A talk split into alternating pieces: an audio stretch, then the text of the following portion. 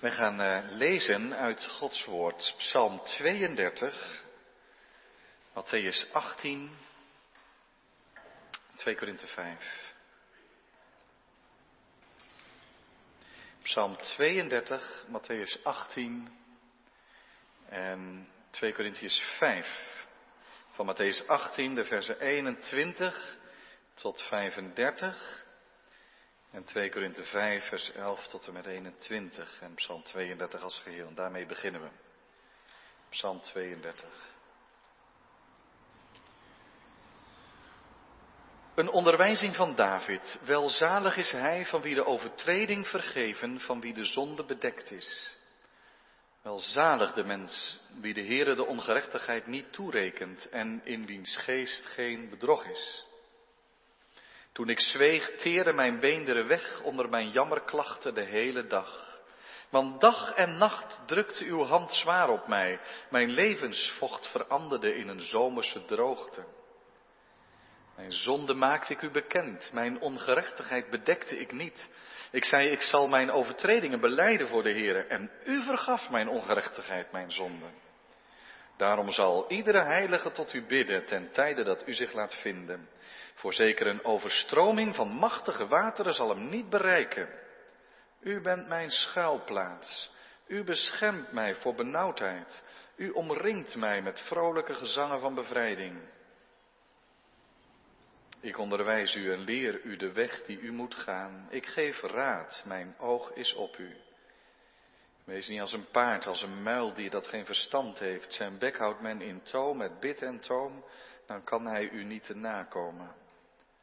De goddeloze heeft veel smarten, maar wie op de Heer vertrouwt, hem zal de goede tierenheid omringen.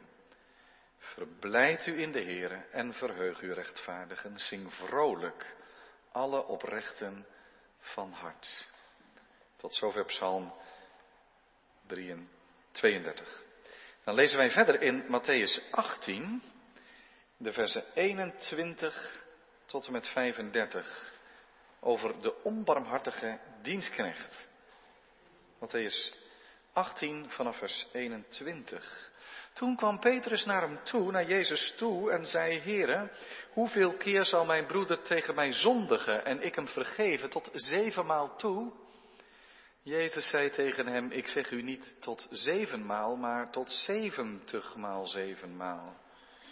Daarom kan het koninkrijk der hemelen vergeleken worden met een zeker koning die afrekening wilde houden met zijn dienaren. Toen hij begon af te rekenen, werd iemand bij hem gebracht die hem tienduizend talenten schuldig was. En toen hij niet kon betalen, gaf zijn heer opdracht dat men hem zou verkopen. En zijn vrouw en kinderen en alles wat hij had. En dat de schuld betaald moest worden. De dienaar dan knielde voor hem neer en zei, Heer, heb geduld met mij en ik zal u alles betalen. En de heer van deze dienaar was innerlijk met ontferming bewogen, liet hem gaan en schold hem de schuld kwijt. Maar deze dienaar ging naar buiten en trof een van zijn mededienaren aan die hem honderd penningen schuldig was. En hij pakte hem beet en greep hem bij de keel en zei, betaal mij wat u schuldig bent. Zijn mededienaar dan liet zich voor hem neervallen en smeekte, heb geduld met mij en ik zal u alles betalen. Hij wilde echter niet, maar ging heen en wierp hem in de gevangenis totdat hij de schuld betaald zou hebben. Toen zijn mededienaren zagen wat er gebeurd was, waren zij erg bedroefd. Ze gingen naar hun heer en vertelden hem alles wat er gebeurd was. Toen riep zijn heer hem bij zich en zei tegen hem, slechte dienaar, al die schuld heb ik u kwijtgescholden, omdat u mij dat smeekte. Had u ook geen medelijden moeten hebben met uw mededienaar, zoals ik ook medelijden met u had? En zijn heer, boos als hij was, gaf hem aan de pijnigers over, totdat hij alles wat hij hem schuldig was betaald zou hebben. Zo zal ook mijn hemelse Vader met u doen, als niet ieder van u van harte de misdaden van zijn broeder vergeeft. Tot zover Matthäus 18 en dan lezen wij verder in 2 Korintiërs 5 en daarvan de versen 11 tot en met 21 over de bediening van de verzoening. Nu wij dus deze vrees voor de Heere kennen, bewegen wij de mensen tot het geloof. En voor God zijn wij openbaar geworden, maar ik hoop ook voor uw gewetens openbaar te zijn. Want wij bevelen onszelf niet opnieuw bij u aan, maar wij geven u een aanleiding tot roem over ons, opdat u iets te zeggen zou hebben tegen hen die in het uiterlijk roemen en niet in wat in het hart leeft. Maar wanneer wij buiten onszelf zijn, dan is dat voor God. En wanneer wij bij ons verstand zijn, dan is dat voor u. Want de liefde van Christus dringt ons, die tot dit oordeel gekomen zijn. Als één voor alle gestorven is, dan zijn zij allen gestorven.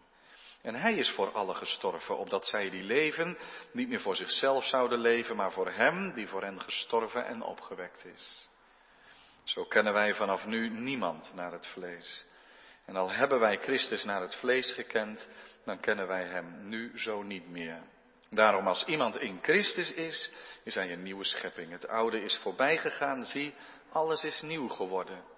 En dit alles is uit God, die ons met zichzelf verzoend heeft door Jezus Christus en ons de bediening van de verzoening gegeven heeft.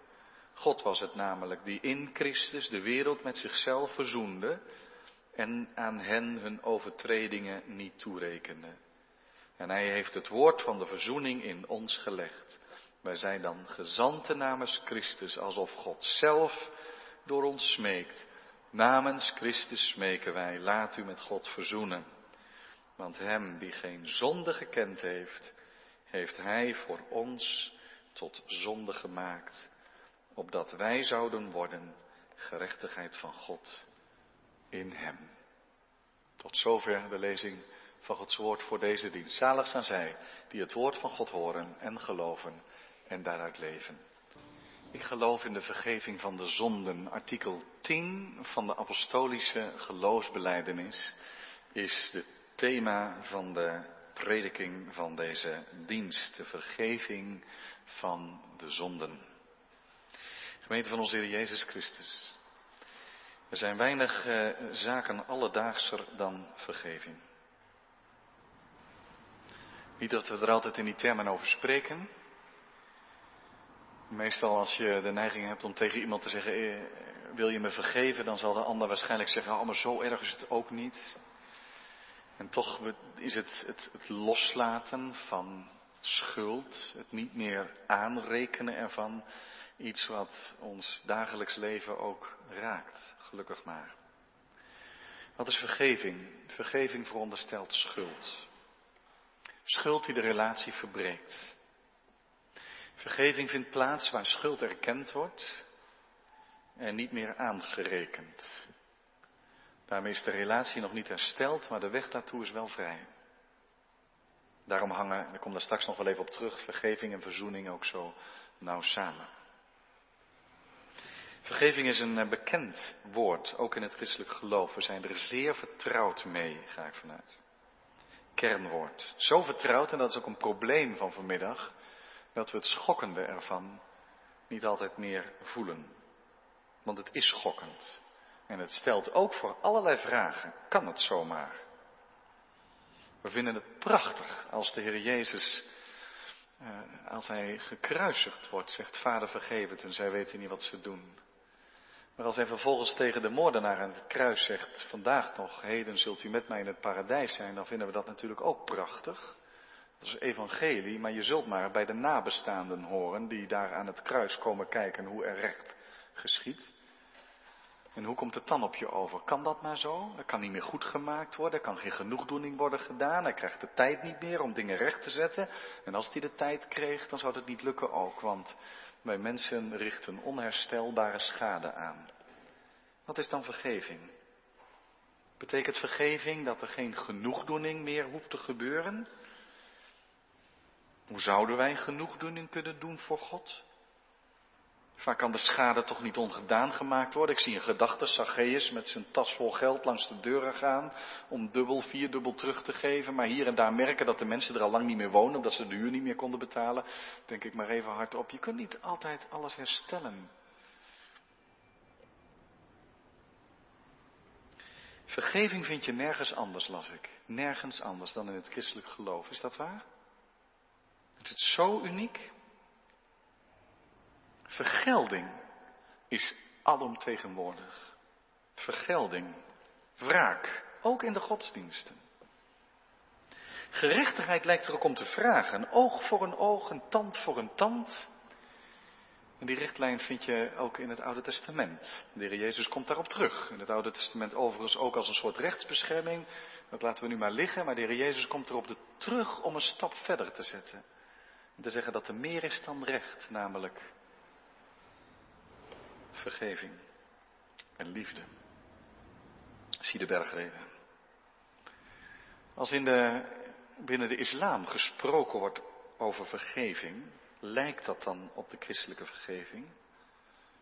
En wenden wij ons meer naar het oosten, naar die godsdiensten, dan is karma een keiharde wet. Strak gespannen door vergelding, reïncarnatie, idem dito. Dat je betaald krijgt in je volgende leven, naar aanleiding van wat je in dit leven gedaan hebt, met als gevolg een ijzersterk vormgegeven kastenstelsel, waarin verworpenen in stand worden gehouden, omdat het nou eenmaal de vergelding is van wat ze in een voorgaand leven hebben gedaan. Daarom wortelt het christelijk geloof niet altijd even makkelijk, omdat het juist die onderscheidingen van kasten doorbreekt. Er zit een enorme prikkel in om goed te doen en beloond te worden. Vergeving is uniek joods-christelijk en zo kostbaar. De enige manier om een spiraal van geweld, vergelding en wraak te doorbreken. Om te onderscheiden tussen de dader en de daad. Vergeving. Soms is dat, zit ik wel eens ook te denken, als je ziet in geweldspiralen, Israël, Palestijnen en vele andere gebieden waar de tegenstellingen en de wrijving zo groot is, je kunt het je haast niet voorstellen, maar wat is vergeving toch een grote kracht, maar wat kost het ook veel. Vergeving is voor sommigen te slap, laf zelfs. Elk mens, zo roept denk ik ook het humanisme, is zelf verantwoordelijk voor zijn daden. Iemand zei eens over het christelijk geloof, ik ga toch niet een ander ervoor op laten draaien. Dat zou laf zijn. Zulke dingen worden als kritiek geuit op het christelijke spreken over vergeving. En het is goed om daarnaar te luisteren, juist om het wonder van de vergeving op het spoor te komen. Je blijft als mens verantwoordelijk voor je daden en dat is ook in christelijk opzicht zo. God neemt ons uiterst serieus. En toch, ja, wordt dan gezegd, ja, maar je kunt toch niet schuilen achter iemand anders? Is dat niet goedkoop? We spreken over vergeving in een cultuur waarin het besef van God en ook van schuld weggesleten is. Toch levert dat iets dubbels op. Schuld is daarmee iets heel lastigs geworden. We verontschuldigen ons snel in onze maatschappij. Het komt ergens vandaan, jeugdtrauma's bijvoorbeeld of sociale omstandigheden. De mens ziet zich gemakkelijk als slachtoffer. Niet als dader. Het zit tegen. Hangt samen met het mensbeeld wat er is natuurlijk. En bij het verdwijnen van God uit de samenleving. Tegelijk wordt dat soms doorkruist door een enorme roep om hardere en strengere straffen. Als er iets verkeerd gaat en de rechter netjes oordeelt, maar het niet erg genoeg is, de straf. Tegelijk kent onze cultuur, denk ik, heel veel schuldgevoel. Zeker in de West-Europese cultuur, waar je snel wordt afgerekend, de maat genomen. Je faalt. Je voldoet niet. Je moet zoveel. Verwachtingspatronen. Veel mensen kennen een schuldgevoel. En wellicht zit hier een ingang voor een goed gesprek met niet-gelovige collega's en buren. Over de bevrijdende kracht van het Bijbelse spreken over vergeving. Ik hoorde laatst in een podcast vertellen over een pionier-evangelist die psalmen las met niet-gelovigen. Een gouden idee. Je zou het eigenlijk moeten gaan doen. Een kring met gelovigen en niet-gelovigen. Iedere gelovige nodigt een niet-gelovige uit en je gaat samen psalmen lezen. Wat valt je op? Wat lees je hier? Nou, deze pionier-evangelist die deed dat en die dacht, ja, we beginnen maar met de topper, Psalm 23. Als iets moet aanspreken en de brug kan slaan, dan is het dat wel over die herder en schapen. Maar het waren stadse mensen en die schapen stonden ver bij hen vandaan. Het sprak allemaal niet zo heel erg aan.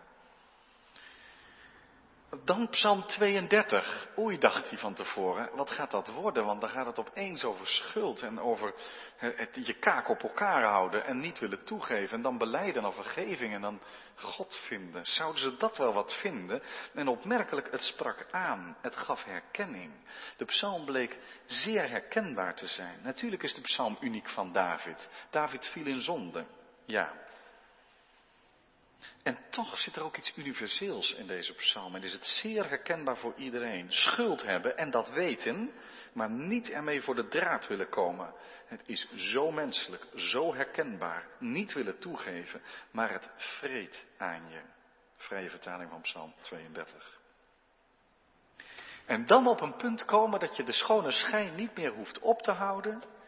En dat je zegt, ik kan er niet meer voor weglopen, ik ga het beleiden. Ik kom ermee voor de dag. En dan direct, opmerkelijk hoe dat in Psalm 32 direct naar voren komt. Het beleiden is de vergeving haast hetzelfde. Het is het natuurlijk niet, maar zo gauw er de beleidenis van zonde en schuld is, is daar de bevrijding, maar ook de vergeving die je in Gods huis toegezegd, aangezegd kreeg. Het is herkenbaar dat de band breekt. En dat er in de schuldbeleidenis bevrijding ligt. Dan zal een niet-gelovige zich niet zo snel herkennen in het schuld hebben voor God en de vrijspraak van God. En eerder misschien zou je zeggen, nou dat zal dan wel psychologische zijn van de bevrijding dat je beleidt enzovoorts. Dat zal zo zijn, maar wat kun je in een gesprek dan daarover spreken? Misschien ook wel getuigend, want wat geloof jij dan over schuld en over bevrijding? Hoe deal je dan met je gevoelens van tekortkomen enzovoorts? En die niet-gelovige zal aan jou vragen, hoe zie je dat dan? Je bent toch niet zo gestruikeld als David? Waarom praat je dan zoveel over de herkenbaarheid van Psalm 32? En dan kun je misschien ook iets kwijt over dat universele van Psalm 32, dat er nog in andere val was. Niet van David, maar van Adam, of hoe je dat ook zou willen noemen. En dat het ons allemaal raakt. En dat, we, dat dat de zonde is, misschien wel de kern van de zonde, dat we zo graag met de rug naar God toestaan. Dat we voor onszelf kiezen, los van God. En dat je netjes kan leven, maar dat je even goed valt dan gaat het christelijk geloof opeens heel diep. Dan gaat het niet alleen over de zonde die we doen, maar ook over onze zondige natuur of aard. Neigingen. Een rode draad van ons leven. Dan kun je spreken met elkaar over hoe bevrijdend het is. Ook in onze cultuur, waarin we voor iedereen van alles moeten zijn. Dat God ons aanspreekt en zegt: Het is goed dat je je best doet hoor, daar niet van. Maar je redt het in al je zonden voor mij toch niet. Je mag zondaar zijn. Niet dat daarmee de zonde goed wordt. Een beetje spannende uitspraak als ik dat zo zeg. Hè? Maar voor God hoeven we ons niet anders voor te doen. We kunnen maar beter Gods oordeel over ons leven aanvaarden. Opdat we de weg naar zijn vrijspraak ook mogen aanvaarden. Als het om vergeving gaat, neemt God de mens dus uiterst serieus in je verantwoordelijkheid en schuld. We zijn geen slachtoffer, maar dader. We zijn schuldig voor God. God neemt ons serieus. In onze gedachten, woorden, daden, wie we zijn, onze levenshouding, alles. Tegelijk zegt God, je kunt jezelf niet redden. Je kunt het niet voor elkaar krijgen. Je kunt je fouten niet eens goed maken. Laat staan rechtzetten. Is het niet vaak herkenbaar dat er onherstelbaar leed gedaan wordt? Nou, voor God is het ook onherstelbaar. Maar er is vergeving en dan is het zo opmerkelijk dat God die ons zo uiterst serieus neemt. En ons het volle pond geeft van onze verantwoordelijkheid en ook van het oordeel. Dat God in zijn vergeving ons buitenspel zet. Dat is behoorlijk vernederend. En misschien is dat de reden dat velen er niet aan willen. Dat God dan zegt, je moet maar erkennen dat je het zelf niet redt. Dat je je eigen boontjes niet kunt doppen. Je moet er op het punt komen dat je zegt, Heer, er is nog maar één oplossing en die kan niet bij mij vandaan komen. Dat is dat u mij vrijspreekt en vergeeft uit genade alleen, want ik geef het op om het zelf weer goed te maken. Psalm 130, psalm die wij zojuist gezongen hebben, zegt als wij, als God de boel eens optelt en de lijn van het recht kiest, kunnen wij voor hem niet bestaan, van geen kant. Maar er is vergeving. Altijd bij u geweest, opdat u gevreesd wordt, vol ontzag voor God. Op dit punt gekomen in de apostolische geloofsbeleid, dus u ziet het ook wel op het blad wat u heeft, dan zijn wij in het derde deel in de pneumatologie, dat wil zeggen in de leer van de Heilige Geest. En daarbij wordt na de Heilige Geest zelf eerst de Heilige Katholieke Kerk genoemd, de gemeenschap der heiligen. Binnen die kerk namelijk, als vrucht en geschenk van de Heilige Geest, wordt vergeving van zonden uitgedeeld. Vergeving van zonde is dan een soort pas pro toto. Dat wil zeggen, het is één uitdrukking die staat voor het complete heil. Want had hier niet ook iets over de verzoening en over de vernieuwing en over de verlossing gezegd kunnen worden? Ik zou zeggen, vat het heil, het christelijke heil, maar samen met vier V's. Vergeving, verzoening, vernieuwing en verlossing. Vergeving is het wegnemen van schuld. Jezaja 59 zegt, het zijn de zonden die scheiding maken tussen u en God.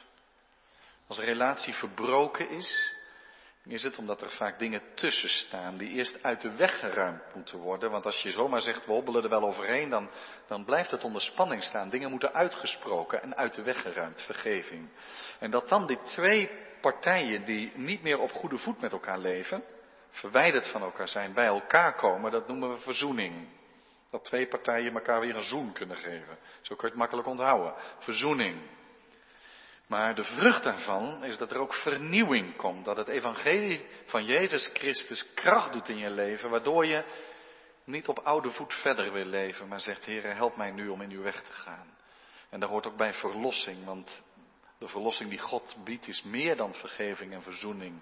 Dat ook de schepping zal bevrijd worden en ons lichaam zal opstaan. Daar gaat het de volgende keer dan over. En dan zullen alle dingen heel gemaakt worden. De totale verlossing.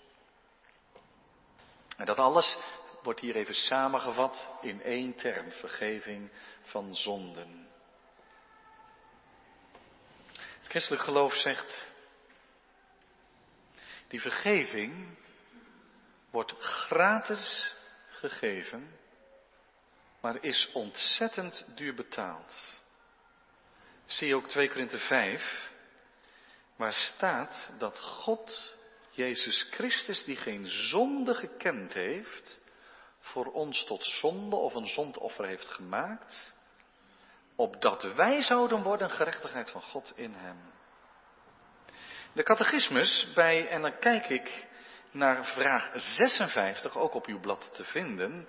Daar staat de vraag, wat gelooft u over de vergeving van de zonde? En dan staat er als antwoord dat God mij vanwege de genoegdoening door Christus al mijn zonden en ook mijn zondige aard, waarin ik, waartegen ik mijn leven lang te strijden heb, niet meer wil gedenken, maar mij uit genade de gerechtigheid van Christus wil schenken, opdat ik nimmer in het gericht van God zal komen.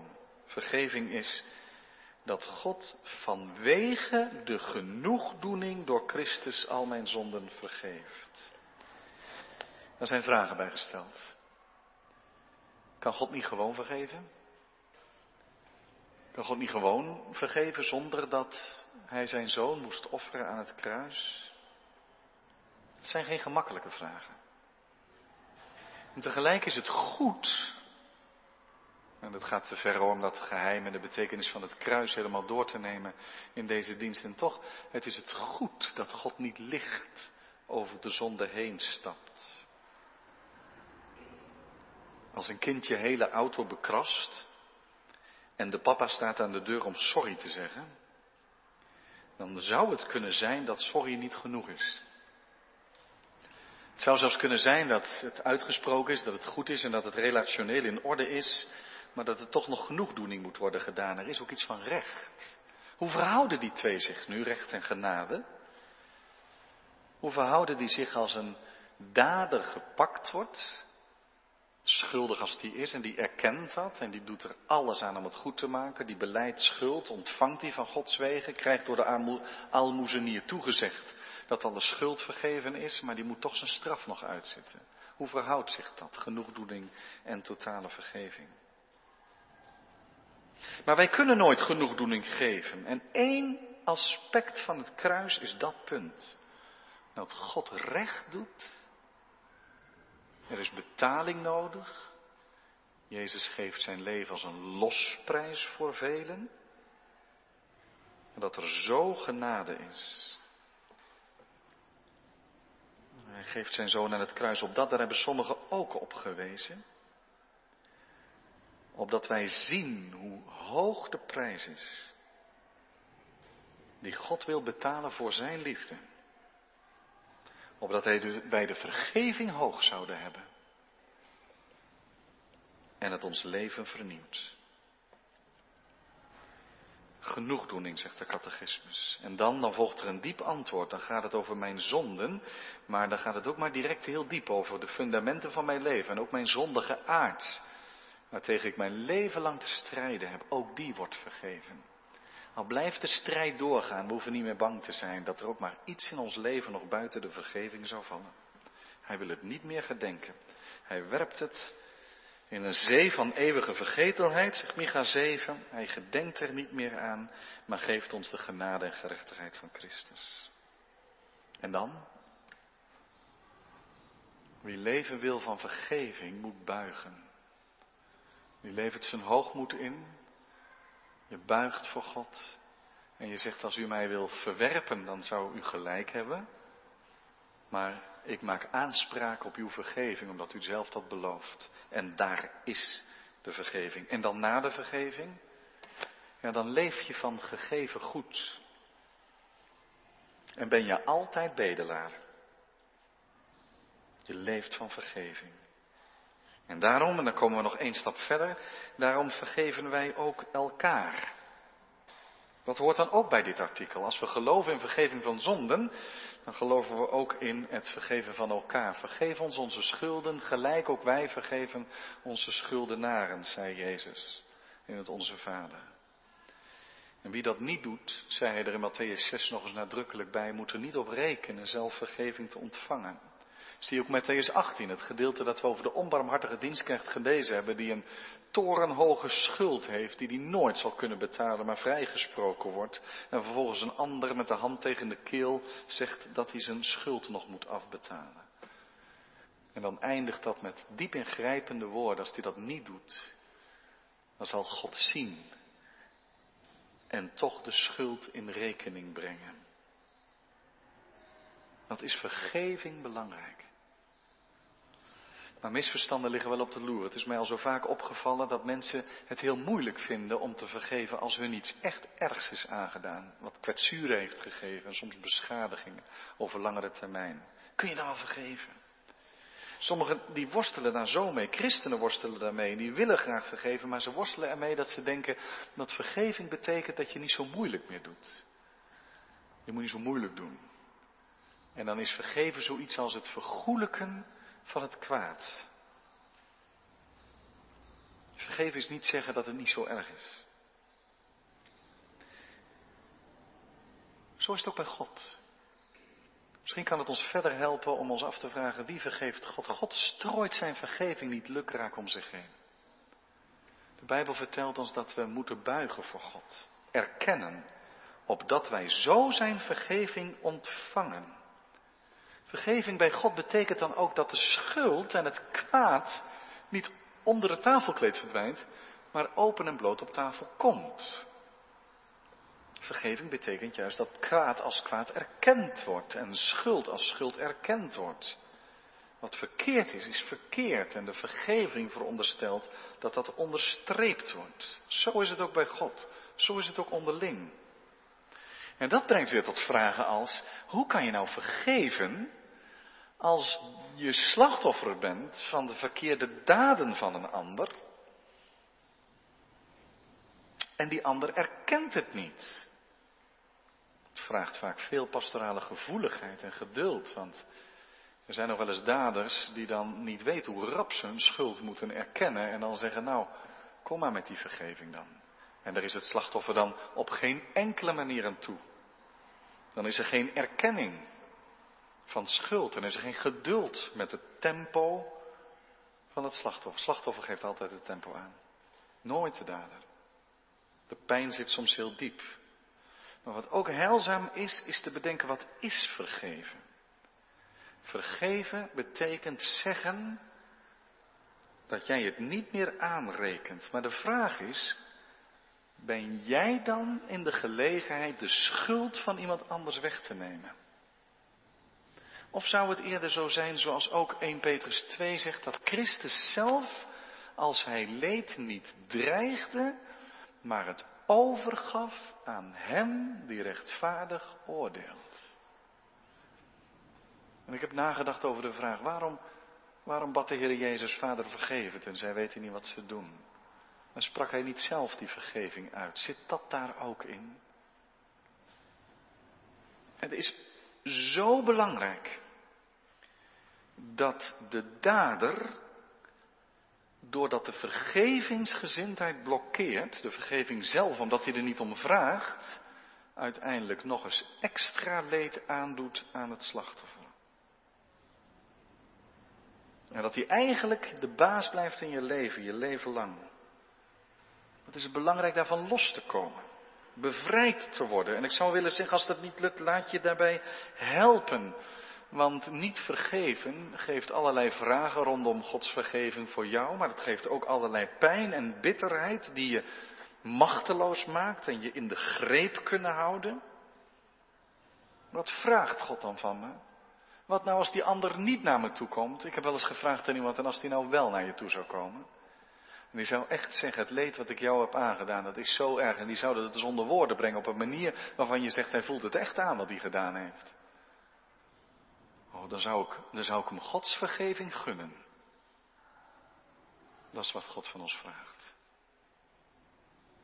En als hij dat niet doet, kun je dan ook vergeven? Oh, er zijn heel wat discussies over gevoerd. Kun je dan vergeven? Is er dan verschil tussen vergeving en vergevingsgezindheid? Ergens, als je ziet hoe God mensen vergeeft die het beleiden en erom vragen, zou je kunnen zeggen, feitelijk is het heel moeilijk om vergeving uit te spreken als er niet om gevraagd wordt. De heer Jezus heeft ook gezegd, hoe vaak moet je vergeven? Nou, als die, als die ander naar je toe komt en zegt dat het hem spijt doet, dan moet je hem zevenmaal zeventig keer vergeven. Maar dat komen en erkennen is wel wezenlijk. En anders, zoek de bevrijding. Laat het los. God weet er raad mee. En die zal recht doen. En als de dader tot in eeuwigheid in mag gaan in de vreugde van de Heer, dan beleiden wij dat er even goed recht is gedaan. Recht in Christus. Aan het kruis. Bevrijding. Dat is toch een zeer, zeer kostbare zijde van het recht wat God doet aan het kruis. Is er iemand die je moet vergeven? Blijf er niet mee zitten. Het is zo belangrijk. Laat los en u zult losgelaten worden. Het is goed om in ons dagdagelijkse leven als we nijdig worden over anderen, het is iets minder groot als ik zojuist zei, dat snapt u wel. Waar het over daders en slachtoffers gaat, maar er zijn mensen die het bloed onder de nagels vandaan halen, dingen niet toegeven enzovoort. Leer uit Matthäus 18 hoezeer wij zelf moeten leven van genade. Wie zijn wij? Dat wij over anderen oordelen of een ander de schuld aanrekenen. Het is een van de diepste drijfveren van het christelijk leven. Dat de vergevende liefde van God ons aanzet om ons te vergeven. Spreek er eens over met collega's en vrienden als ze bitter zijn. Misschien kun je zeggen, zeg, probeer eens vergeving. Dat is de koninklijke weg. En er is niets bevrijdender dan dat. Amen.